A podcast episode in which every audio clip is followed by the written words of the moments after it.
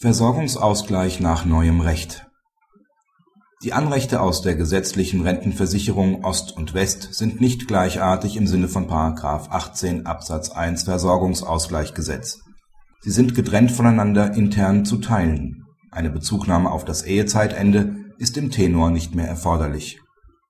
Die Eheleute sind seit 2008 geschieden das Amtsgericht hat den Versorgungsausgleich durchgeführt, indem es die gesetzlichen Rentenanwartschaften in Entgeltpunkte und Entgeltpunkte Ost umgerechnet hatte.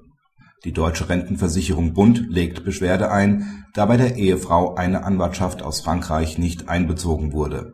Das OLG ordnet mit Zustimmung der Beteiligten das Ruhen des Verfahrens an und nimmt das Verfahren am 3.9.2009 wieder auf.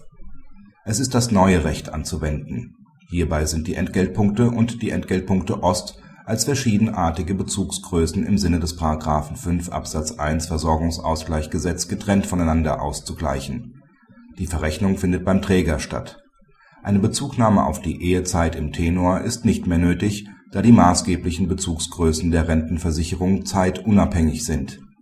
Die Bagatellgrenze des § 18 Versorgungsausgleichsgesetz ist getrennt für die Anwartschaften Ost und West zu bestimmen Liegt eine Anwartschaft unter der Grenze, findet gleichwohl ein Ausgleich statt, da beim Ausgleich beide Anwartschaften eine einheitliche Rente herbeiführen und der Versorgungsträger nicht unverhältnismäßig belastet wird. Praxishinweis Nach herrschender Meinung zum alten Recht sind Versorgungsanwartschaften aus Frankreich in den öffentlich-rechtlichen Versorgungsausgleich einzubeziehen. Seit 1.9.2009 hat sich dies geändert die ausländischen Anwartschaften sind nicht mehr in den öffentlich-rechtlichen Wertausgleich einzubeziehen. Es fehlt an der nach § 19 Versorgungsausgleichsgesetz erforderlichen Ausgleichsreife.